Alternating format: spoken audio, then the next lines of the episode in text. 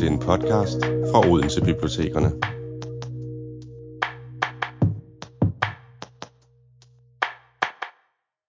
Tak fordi du vil være med i vores, øh, vores podcast, Mennesket i Fokus. Øhm, og jeg tænker sådan, at vi kommer rigtig i gang, om du har lyst til at præsentere dig selv.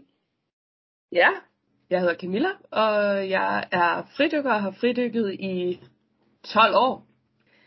Jeg har fokuseret rigtig meget i min fridykkerkarriere på det mentale, og også kvæg min uddannelse inden for idræt. Jeg har taget en kandidat i idræt og sundhed med speciale i sportspsykologi. Så øh, har jeg virkelig haft muligheden for at dykke ned i, øh, i netop alle de processer, der øh, har med elitesport at gøre, hvordan man kan toppræstere. Så det er virkelig mit, mit hjertebarn. Ja, og det synes vi også lyder utrolig spændende, og, og det er også det, hvad kan man sige, at det der afsnit, det kommer til at handle om, det er jo netop fridykning, men også øh, med fokus på den her mentale del, du nævner her. Øh, det er det, du har meget fokus på. Du er mentaltræner, og jeg tænker, vi kan snakke lidt om den her mentale udvikling, og hvordan man kan benytte fridykning som en måde at øh, udvikle og styrke sit mentale potentiale, sin mentale ro for at blive bedre til at præstere rent fysisk. Men jeg tænker, hvis vi skal starte sådan helt basic og helt lavpraktisk, øhm, kan du så fortælle lidt om, jamen, hvad er fridykning i det hele taget? Det kan være, at der sidder nogen derude, som, som tænker, okay, jamen, det er noget med at dykke, men, men hvad er det egentlig lige præcis, det er? Ja, altså øhm, helt, helt sådan kort, så er fridykning, når man dykker på et åndedrag. Det vil sige, at der er mange situationer, hvor man egentlig dykker, eller fridykker. Øh, både når man snorkler og dykker lidt ned, øh, når man spiller undervandsrugby, når man er på undervandsjagt, og så også når man øh, fridykker prøver at jagte sine grænser. Øh, hvor langt kan jeg dykke? Øh, hvor lang tid kan jeg holde hvad? Hvor dybt kan jeg komme? Øh, og det er måske det, som, øh, som jeg har særligt øh, fokuseret på. Ikke at jeg ikke har prøvet det, det andet og finder det andet virkelig sjovt. Øh, men jeg tror, at der, hvor jeg virkelig har øh, fokuseret min energi, og der, hvor jeg virkelig har, måske kan man sige, har min karriere, det er jo i det her med at søge mine grænser. I hvor dybt jeg kan komme, hvor langt jeg kan jeg holde vejret, og hvor langt kan jeg dykke. Ja, og du sagde, at du har været fridykker i 12 år. Øhm, altså, hvordan opstod den her interesse omkring, nu var du selv lige, du nævnte måske lidt det der med at, at søge nogle grænser og sådan noget. Øhm, var det også øh, i den forbindelse, at altså, så tænkte du, det var lige fridykning, jeg skulle kaste mig over her, eller hvordan opstod interessen egentlig? Jamen, det kom så egentlig af, at jeg gik på gymnasiet og øh, gik til rigtig mange fester, øh, og havde simpelthen ikke rigtig nogen sådan hobby udover, ja, udover at være sammen med vennerne øh, fra gymnasiet. Og jeg følte, jeg trængte til at bevæge min krop. Jeg følte, jeg trængte til at have et rum, hvor at jeg skulle lave noget andet end at blive god til øh, oldkundskab eller blive rigtig god til netop de boglige fag. Mm. Så det her frirum til, hvor man bare kunne være og være med sin krop og blive øh, fit, det var virkelig noget, jeg manglede. Så derfor så meldte jeg mig på sådan et livredderhold. Også fordi jeg savnede at være i svømmehallen og svømme. Og så, øh, så startede jeg på det her livredderhold, hvor mændene, det var primært mænd, øh, der var også en dame, der var med, de her mænd, de var hurtigere end mig, de var meget stærkere end mig, og det pissede mig på en måde lidt af, fordi de mm. også var ældre end jeg var, og jeg synes egentlig, jeg var god i vand. Men jeg fandt så ud af, at øh, til de her dykkeropgaver, at der kunne jeg simpelthen tage de her mænd. Jeg var meget bedre til at kunne dykke langt, og til at kunne finde roen under overfladen. Og det tror jeg vagte min sådan nysgerrighed. På det tidspunkt anede jeg ikke, der var noget, der hed fridykning. Så jeg, øh, jeg var ligesom bare sådan, okay, hvad er det her? Øh, hvor langt kan man egentlig komme? Og så helt tilfældigt var en af vores trænere på sådan et fridykkerkursus, og kom tilbage til klubben og sagde, vi laver en fridykkeraften. Nu skal I prøve at se, hvor langt I kan dykke, og hvor, langt, hvor lang tid I kan holde vejret. Og jeg var bare sådan, fedt, det er jo det, som jeg har været nysgerrig på det sidste halve års tid. Og endelig viste det sig, at det var noget, der var en sport.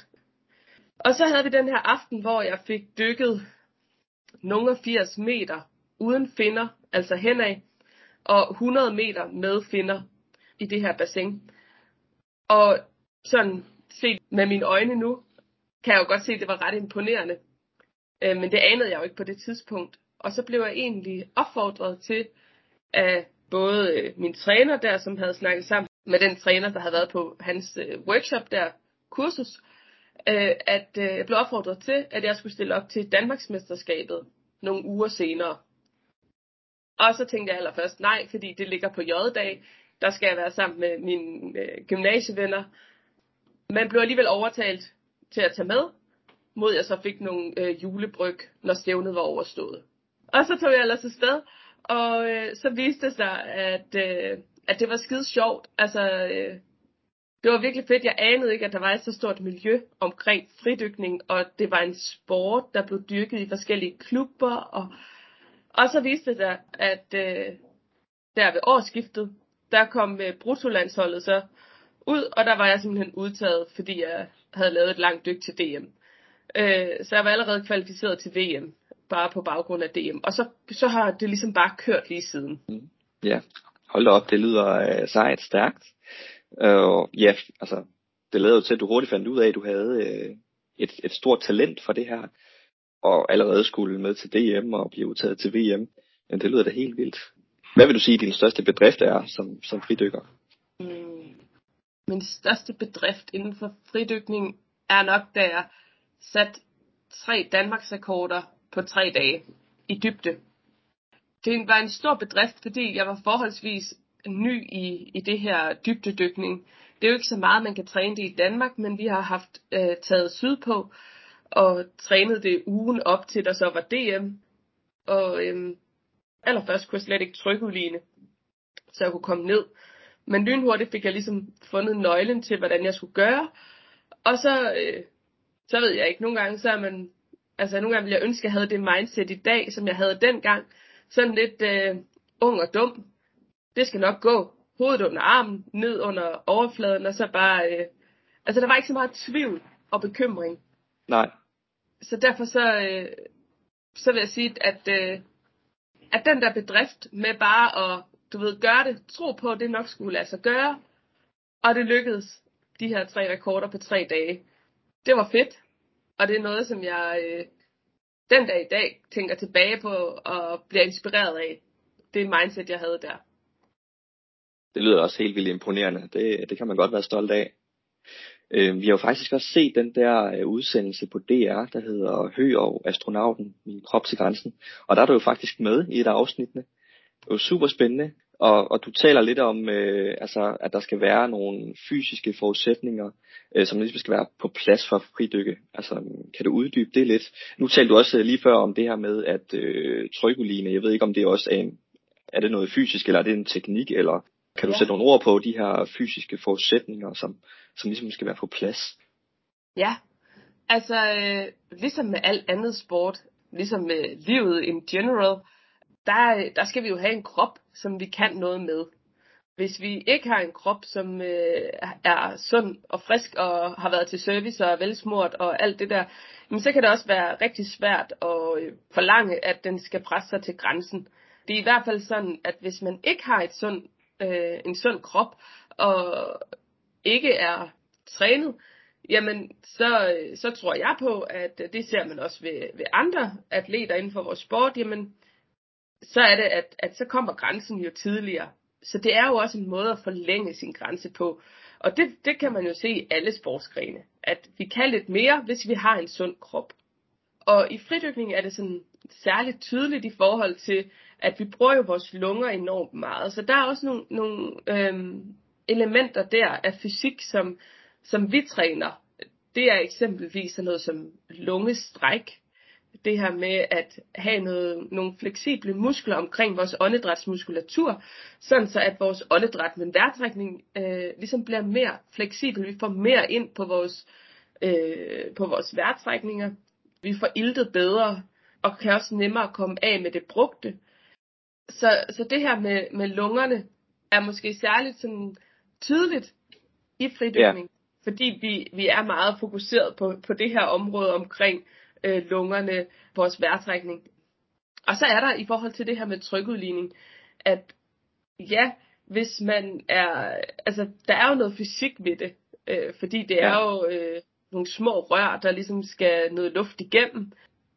Men det er også sådan, at, at det er også meget teknisk. Altså, hvordan er det, man placerer sin tunge ind i munden, når man er på den og den dybde. Altså, så trykudligning er ekstremt teknisk, og øh, er for mig stadigvæk sådan en øh, jungle. Altså, jeg har været på 71 meter, og det skulle man mene egentlig er øh, en dybde, hvor man, hvor man skulle mene, at, at jeg i hvert fald havde styr på trykudligning. Men det er også sådan, at ting, det kommer jo også med rutine. Så jeg kan ikke gå ned og dykke 71 meter i morgen, fordi det er alligevel så lang tid siden, jeg har dybdedykket, og særligt nu her, hvor corona har været her, så ligger det så langt væk fra mig. Så det er meget teknik, men det hele tager afsæt i ens fysik også. Så. Ja, Jamen, det lyder som om, det er en god blanding af ja, øh, teknik og, og det rent fysiske. Øh, hvor lang tid vil det så egentlig tage at træne sig op til sådan et flere minutters langt dyk? Det er måske også meget individuelt, men, men i øh, DR's udsendelse, der var det jo så Josefine Hø og Andreas Mogensen, der ligesom skulle lære vejret længere. Vi kan også øh, tage den vinkel på det. Og nu kan jeg ikke lige helt huske, hvor lang tid de egentlig fik, men det var noget med, at de skulle forbedre sig øh, i forhold til det her med at kunne holde vejret under vandet.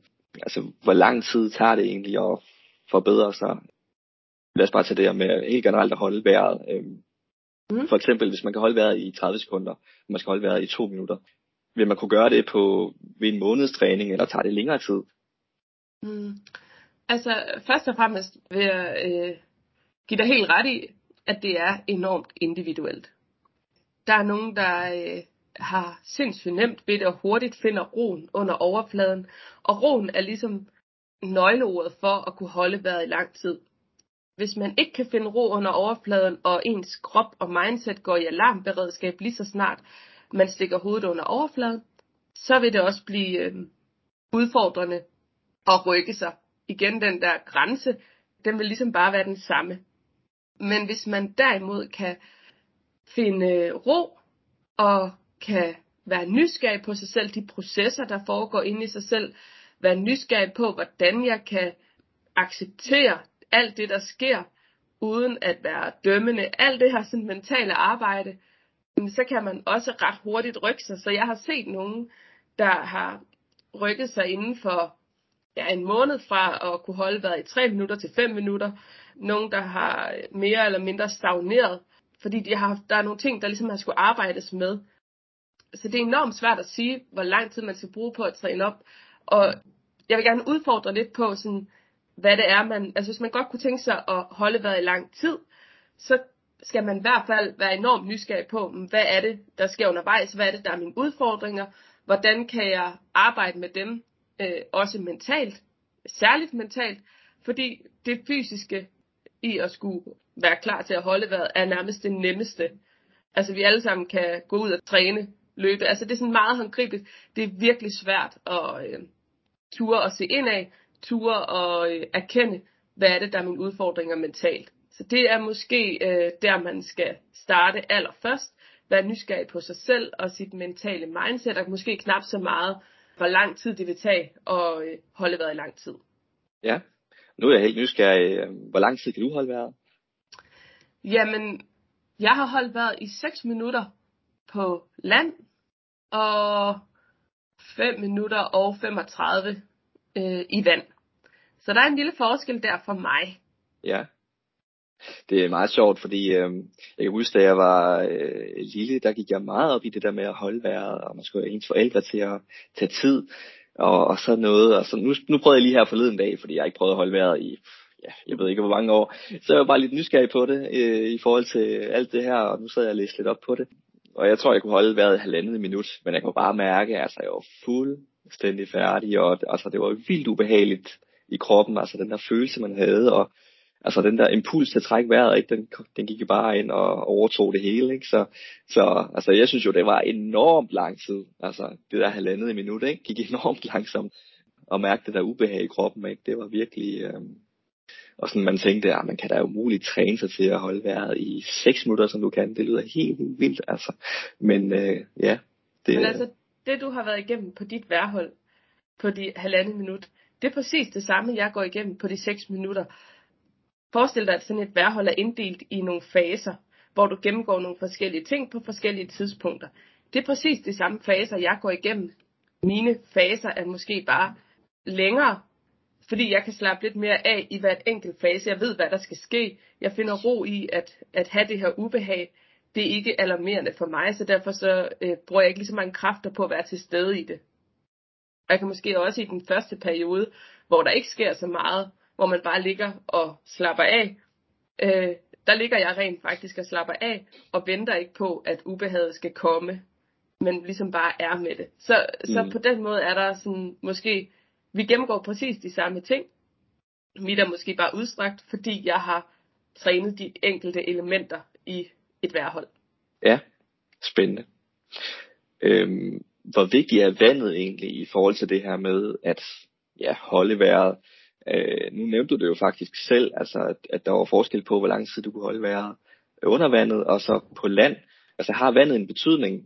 Kan man holde vejret længere tid under vand, eller er det omvendt, eller hvordan er det, det fungerer?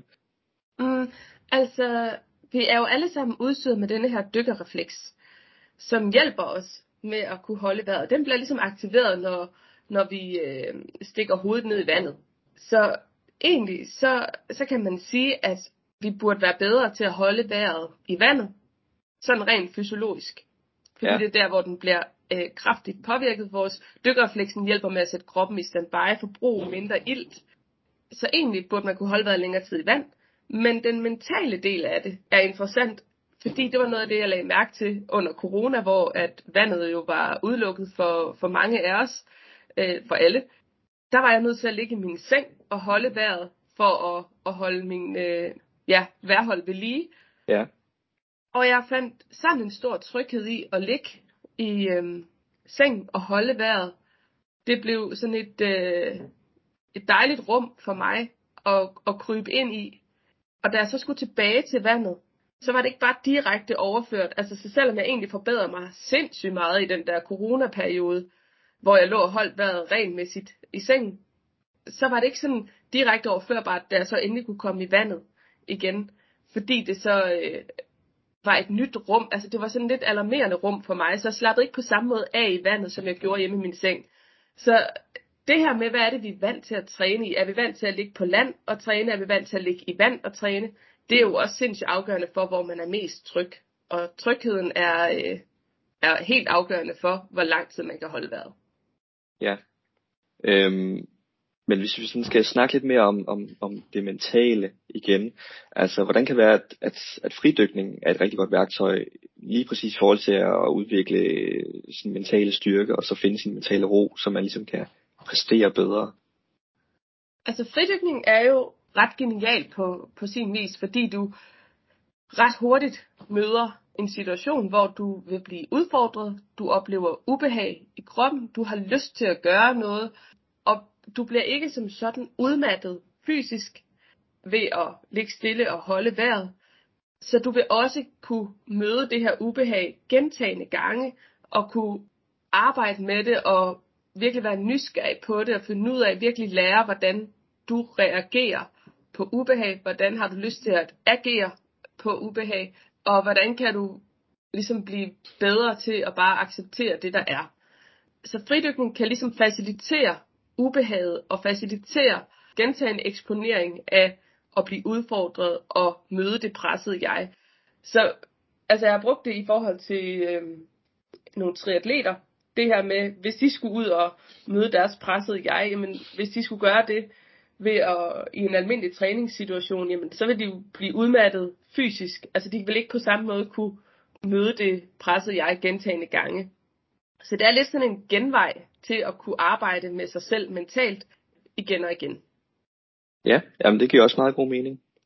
Øh, jeg tænker, når folk de så egentlig kommer til dig, er det så primært med afsæt i ønske om en, en sportslig udvikling, eller er det sådan en personlig udvikling, eller er det en kombination? Er det, er det meget elitesportsfolk, du træner i, i det mentale? Det er egentlig begge dele.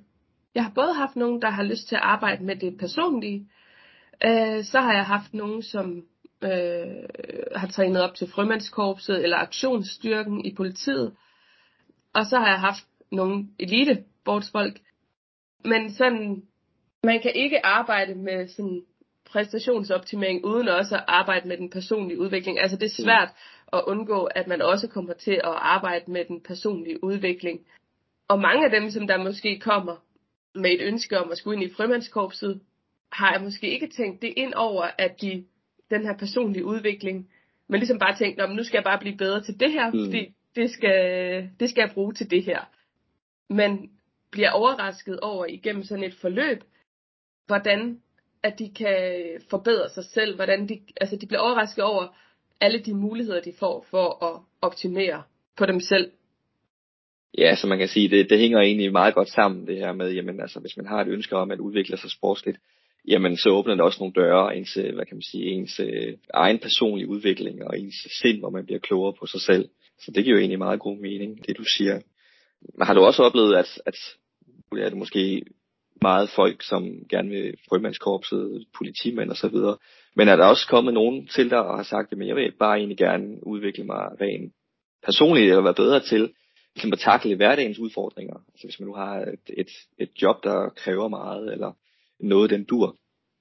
Ja, øh, altså jeg har haft folk inde, som egentlig godt kunne tænke sig at blive bedre til at altså få mere ud af dem selv, blive klogere på dem selv. Og for nogen har det handlet meget om at også måske beskytte sig selv lidt. For når man er i, i sådan et konkurrencemiljø, som erhvervslivet jo også kan være, et arbejde kan være, og helt det der med, sådan, hvad forventer vi af os selv, og man vil jo rigtig gerne være lidt bedre, end man var end i går, og hele det der sådan stress, som jeg tror, vi alle sammen kan genkende til, at vi har været en del af på et eller andet tidspunkt det har de ligesom haft et ønske om, okay, hvordan kan jeg være til stede i det, uden at blive nedbrudt? Hvordan kan jeg styrke mig selv, sådan så at jeg kan få mere mig på banen, og ikke bare lade mig guide af øh, hverdagens trummerum.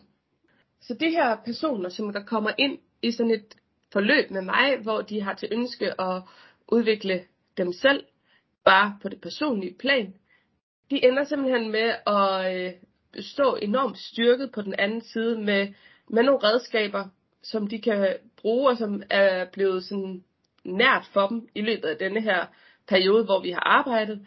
Og man kan sige, for mange er det jo lidt en barriere, at jeg vælger at hive mine klienter med ned i vandet og holde vejret. Men for, for dem her, jeg har haft inde, der har de syntes, det har været et fedt element, fordi man aktivt går ind og gør noget, og aktivt får en, øh, en ramme, hvor de kan få lov til at prøve de her redskaber af, og det ikke bare bliver sådan en snak mellem mig og dem, men at de får lov til at prøve det på kroppen, og får lov til at bruge deres krop ind i hele den her mental træning. Så man kan sige, det er ikke for alle, den måde jeg laver min mentaltræningsforløb, det er ikke for alle, men det er for dem, som der har lyst til at prøve at bruge deres krop, og har lyst til at prøve at virkelig mærke øh, ubehag faciliteret igennem værhold og i, i vandet. Så det er ja. for nogen, og det er bare ikke for alle, og det er, hmm. det er så fint. Ja, jeg tænker, altså, hvor i dagligdagen bruger du øh, den mentale træning? Altså, er der steder, du kan mærke, du har rykket dig? Altså før og efter du begyndte at fridykke, og måske fik det her mentale øh, vinkel på det. Øhm, er det noget, du sådan selv kan mærke, at, at du har du virkelig har rykket nogle grænser og kan præstere bedre i, i dagligdagen sådan helt generelt? Altså, fra før fridykning og til nu, helt klart. Man kan sige, der er også lige det lille men, at jeg var øh, teenager, da jeg startede med at fridykke, så man kan sige, at der er også noget, der er generel udvikling, at man bliver lidt mm. klogere på livet og alt det her. Men hver dag vil jeg sige, at jeg bruger noget for min mentaltræning. Jeg bruger det mentale hver evig eneste dag, fordi altså vi alle sammen lider jo lidt hver dag. Vi alle sammen oplever at blive udfordret og mærke ubehag øh, på den ene eller den anden måde, om det er, at man synes, der er noget, der er træls, man kan ikke overskue det her, eller når man øh, laver en simpel træning, og man skal ligesom igennem det, hvordan kan jeg bedst muligt komme igennem det. Og nu her er jeg øh, gravid, så, så alle de her sådan, øh, kropslige fornemmelser, nysgerrigheden til, okay, hvad er det her så for et ubehag, jeg mærker? Hvordan kan jeg være med det, uden at det skal påvirke for meget min, min hverdag og mit humør, mit mindset? Så hele den der sådan tilgang til at være til stede og skabe de bedste rammer, uden at lade sig øh, dirigere for meget af sine følelser og tanker, det er noget af det, som jeg bruger aktivt hver dag. Også fordi jeg er sådan, jeg har sådan lidt en abegerne. Jeg er ikke sådan en, der kan sige, øh, sluk, øh, nu tænker jeg ikke på noget. Jeg tænker på noget hele tiden. Og mm. øh, hvis jeg skulle lade mig dirigere af mine tanker og følelser, jamen så vil jeg simpelthen øh, være i øst og vest på samme tid. Og så er det rigtig svært lige at sætte en, en retning for, hvad man gerne vil, og hvad man gerne vil opnå. Og måske også at finde ro i. Så, så det her med at kunne på en eller anden måde øh, sætte en distance til det, der sker op i hovedet, og komme lidt mere ned i kroppen og mærke, at jeg er mm. her og nu. Det er noget af det, jeg, jeg tager med aktivt. Og det er jo også noget af det, som, som fridykningen jo også kan.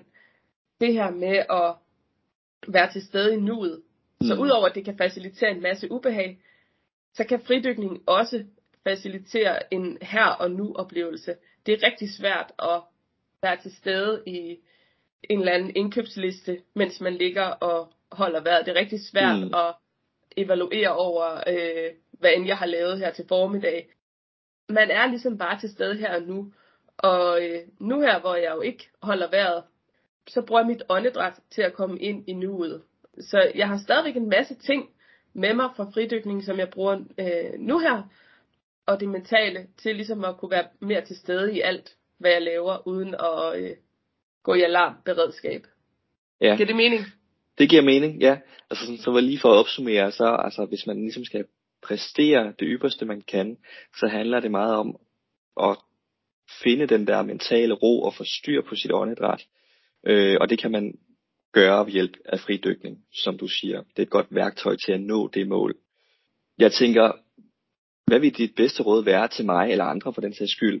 Øh, jeg kan godt lide at løbe for eksempel, og hvis jeg gerne vil præstere bedre inden for løb, kan jeg så ned i en lokale svømmehal og så øh, og lave noget træning der, dykke der, og, eller kan jeg træne den mentale del på en anden vis? Øh, hvad tænker du, det får mest ud af? Altså, er det bare godt at være omsluttet af vand, for ligesom at finde den der mentale ro, så man kan lære at presse sig selv øh, mere? Mm. Altså, først og fremmest, så, så er det jo aldrig en god idé at fridykke alene. Så man kan sige, det der med bare at tøffe ned i den lokale svømmehal og mm. udfordre sine egne grænser, rigtig dårlig idé, hvis man ja. ved, hvad man har med at gøre, og at man er alene. Så hvis man ikke har de muligheder for at være med i en klub, være med i et forløb, have en, der kan hjælpe og guide en ind i det, så, øh, så vil jeg sige, at man kan jo, altså man kan jo træne mental træning alle steder. Altså, mm. lige så snart du mærker en udfordring, og du begynder at være nysgerrig på, hvad er det, der sker inde i mig, jamen, så er du gået i gang med mental træne. Så er du gået i gang med at finde ud af, hvad er det, du registrerer, hvad er det for nogle ting, der sker inde i mig, når jeg møder denne her udfordring. Hvad er det, jeg får lyst til at gøre? Hvad er det, jeg rent faktisk måske kom til at gøre? Og hvordan kunne jeg en anden gang tage nogle smartere handlinger, som stemmer lidt mere overens med den måde, jeg godt kunne tænke mig at være på. Så lige så snart man begynder det her sådan tankearbejde, øh, nysgerrighed, vend blikket lidt indad, jamen så er man allerede gået i gang med mental træne. Og eksempelvis ind i dit løb, jamen på din næste løbetur, jamen, så vil jeg da være nysgerrig på, hvad er det, der rent faktisk opstår? Hvad sker der, når du løber? Hvad sker der, når du varmer op? Hvad sker der, øh, når du begynder eventuelt at blive lidt presset? Hvad er det for nogle typiske tanker, der kommer? Hvad er det for nogle typiske handlemønstre, du har? Og hvordan kunne du måske prøve at arbejde med det, sådan så at, lad os sige, du i sådan et øh, intervalløb, når lige så snart du begynder at mærke, at du bliver presset, så begynder du automatisk at sægne farten. Det er jo lidt træls, hvis du godt vil beholde den her fart for at beholde intensiteten. Så hvordan vil du kunne arbejde med det for at bevare farten? Det her med at være nysgerrig på, hvad er det for, hvad er det for en tanke, der kommer der, hvor at du begynder at sægne farten? Hvordan kan du på en eller anden måde have den tanke med, sætte parentes rundt omkring den, og så lave en aktiv handling, som går i retning af, at du fastholder eller bibeholder din fart. Accelerere en lille smule måske, siger et eller andet til dig selv, så du fastholder farten. Ja, ja så sådan ligesom prøve at gå ind og fastfryse de øjeblikke, øh, hvor det ligesom siger, det er nu, det bliver rigtig, rigtig hårdt, og nu har jeg ikke lyst til at presse mig selv mere, og så prøve at, at samle det sammen, og, og tænke over det efterfølgende, jamen, hvordan kan jeg arbejde med det her, hvad skal jeg gøre, kan jeg tænke på en anden måde, det giver jo meget god mening faktisk. Jeg synes, det er meget interessant, øh, den der øh, del af det, ikke? altså den mentale del, ikke? fordi hvor man bare personligt har jeg sådan tit tænkt, ja okay, jamen, øh, jeg skal bare blive bedre rent fysisk, så løber jeg hurtigere, ikke? Men hovedet skal jo ligesom være med, ikke? Og, og det er som om, at det er måske ikke øh, den del, jeg har øh, skænket så mange tanker, men kan da helt sikkert hente rigtig meget her, tænker jeg. Så det vil jeg skrive mig bag øret. Det, øh, det lyder rigtig, rigtig spændende. Og så er der også, øh, altså bare lige den sidste ting i forhold til, som er sådan en note, tror jeg, at alle kan øh, genkende til, det er jo også, at oftest det ubehag, vi oplever, er jo alt den betydning, vi lægger ind i øjeblikket. Så det ubehag, vi oplever, kan mærkes ekstremt hårdt, ulideligt. Man har lyst til at give op, forlade det, man var i gang med. Men måske er situationen ikke så slem, som vi egentlig tilskriver den. Måske er det alle vores tanker og følelser, som vi har puttet ind omkring denne her situation, som gør, at det er så ulideligt at være i den. Men hvis vi nu prøver at rense situationen, fri af tanker og følelser, og bare ser situationen helt nøgtern, som den er, så er den måske ikke så slem. Og det klassiske eksempel er det her vinterbadning. Altså vi alle sammen kommer til at tilskrive det der med at skulle ned i det kolde vand, som noget frygteligt ubehageligt. Nej, hvor er det nederen. Kommer jeg nogensinde til at komme, altså kommer jeg ned i det her vand? Og når vi så prøver at slippe lidt fri af alle de tanker og alt det betydning, vi putter ind i lige præcis det øjeblik at skulle ned i det kolde vand, og bare ser det som det er, så er det jo bare en tur ned, hvor pulsen vil stige, kroppen bliver omsluttet af vandet, åndedrættet stiger. Det er ikke mere end det. Nej, det, øh, det giver god mening, det gør det. Jeg tænker lige her til aller, aller sidst, nu siger du, du er gravid, stort tillykke med det. Øhm, men, men har du et eller andet øh, sportsligt mål, du arbejder hen imod her? Altså det sportslige mål ved jeg faktisk ikke lige helt. Fordi jeg har egentlig de sidste par år blevet meget nysgerrig på, hvordan jeg kan bruge min fridykning ud i andre oplevelser. Altså ja. så det her med, måske det sportslige mål er, det kunne være sjovt at komme tilbage efter øh, graviditeten og kunne fortsætte med at kunne fridykke og netop det her med at træne sig op igen. Mm. Øh, og hele den mentale rejse, der er i det. Men jeg kunne også godt tænke mig at øh, kunne bruge min fridykning ind i sådan nogle naturoplevelser det her med at dykke oppe i Norge, øh, i de store, dybe fjorde der, og se det flotte, sådan, der er sådan nogle tangskove, og se noget mere sådan natur, dyreliv under overfladen. Det kunne jeg godt tænke mig. Og ja. se noget mere af verden under overfladen. Det lyder også fantastisk. Ja. Det behøver ikke alt sammen at, at gå op i sportslige præstationer det hele. Du har også opnået en hel masse allerede. Og det er super flot. Ja. Men uh, Camilla, tusind tak, fordi du vil være med i vores podcast.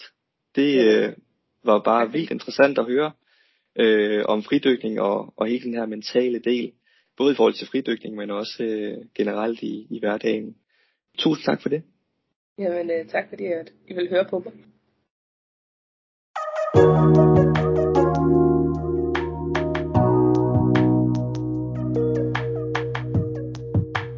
Har lyttet til en podcast fra Odense Bibliotekerne.